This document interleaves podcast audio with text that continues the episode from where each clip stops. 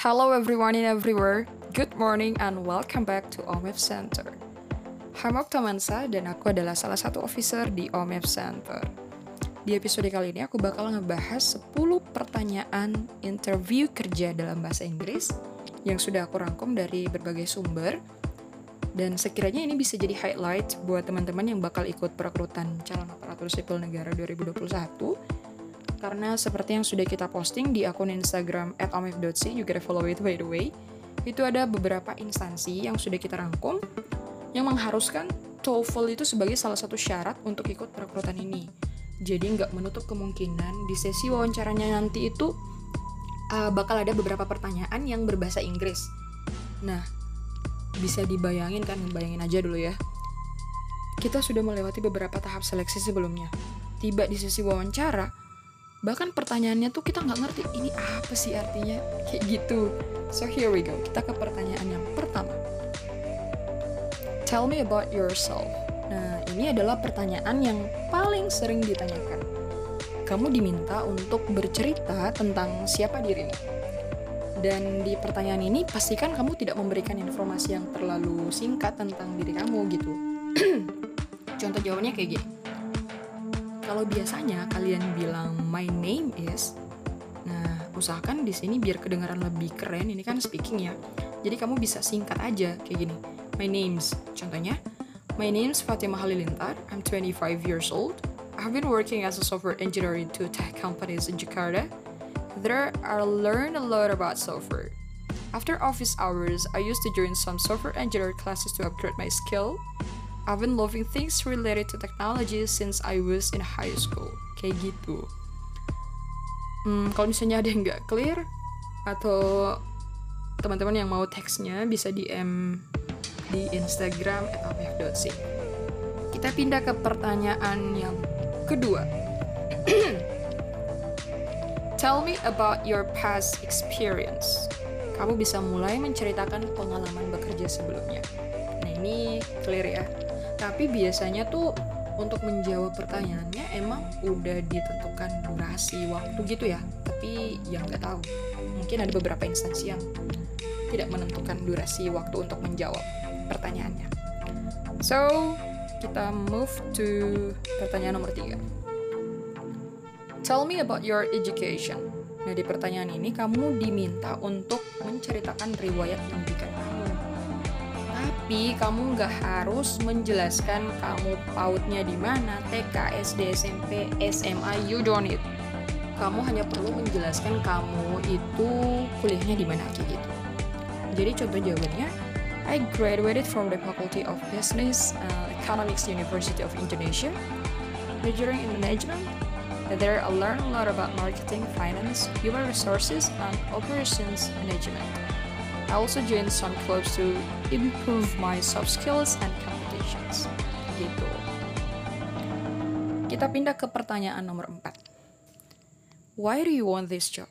Di pertanyaan ini kamu diminta untuk menjelaskan kenapa ingin melamar melamar pekerjaan ini. Nah, ini tuh kayak uh, motivasi apa sih kamu uh, kenapa kamu ingin ngelamar pekerjaan ini kayak gitu dan masing-masing orang tuh pasti punya alasan tersendiri lah gitu ya. Jadi kita pindah ke pertanyaan nomor 5. Why we should hire you? Kenapa kita harus ngerekrut kamu?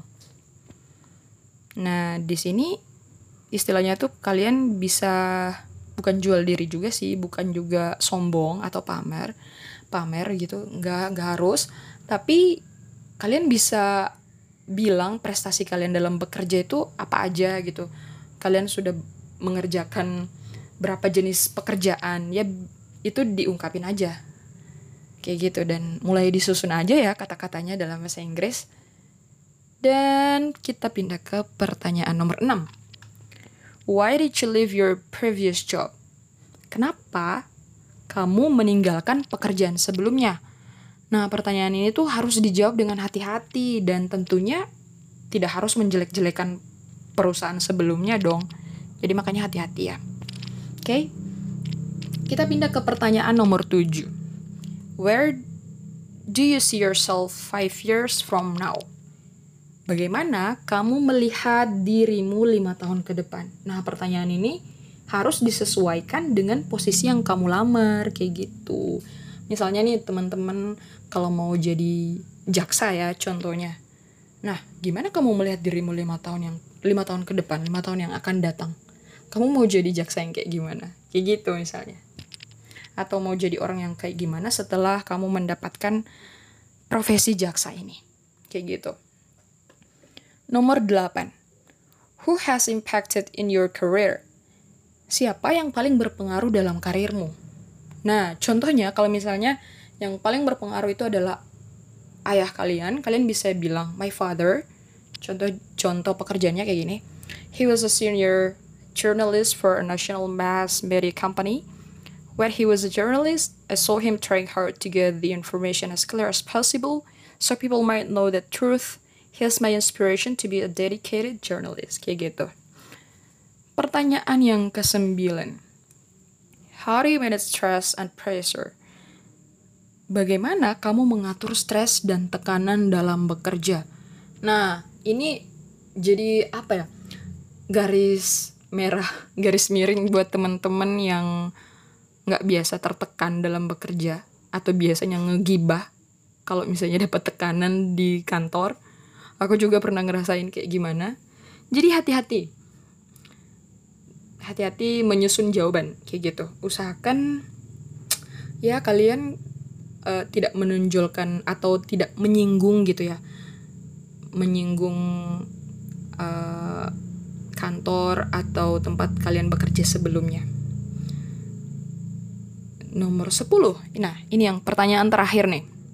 When were you most satisfied in your work?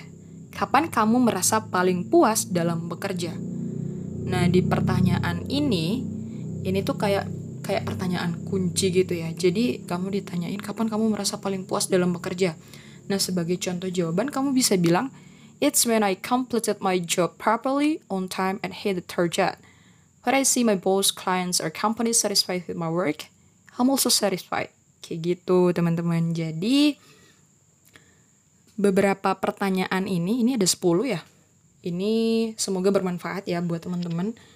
Dan kemarin itu aku sempat nonton untuk wawancara yang jaksa ini kenapa aku tertarik banget ya mengebahas jaksa. Nah, aku mau share aja sebenarnya. Ini bahkan di wawancara untuk kejaksaan ini ditanya berapa jam, berapa jam itu untuk ujian TOEFL? gitu. Itu ada berapa sesi? Wah gila. Sampai rinci banget ya ditanyain pertanyaannya. E, mereka tuh mau tahu bahwa kamu tuh benar-benar ikut ujian gak sih? Kamu tuh benar-benar tahu bahasa Inggris gak sih karena kalau misalnya skor TOEFL kamu tuh berada di atas bat di atas standar gitu ya uh, misalnya standarnya 450 terus skor kamu di sertifikat yang kamu lampirkan itu 480 nah kamu tuh bakal ditanya se rinci mungkin. Lebih jelasnya tuh kalian bisa cari-cari di YouTube itu ada sebagai persiapan juga. Nah, kalian hati-hati ya. Ini buat teman-teman yang biasanya beli sertifikat tuh, waduh, hati-hati deh. Serius, hati-hati. Nah, jadi sekian ya 10 pertanyaan ini dan buat teman-teman yang masih belum jelas itu bisa DM sekali lagi di akun Instagram omf.c. Don't forget to follow it. Jadi jangan lupa untuk follow akun Instagram omf.c. And see you next time. Bye.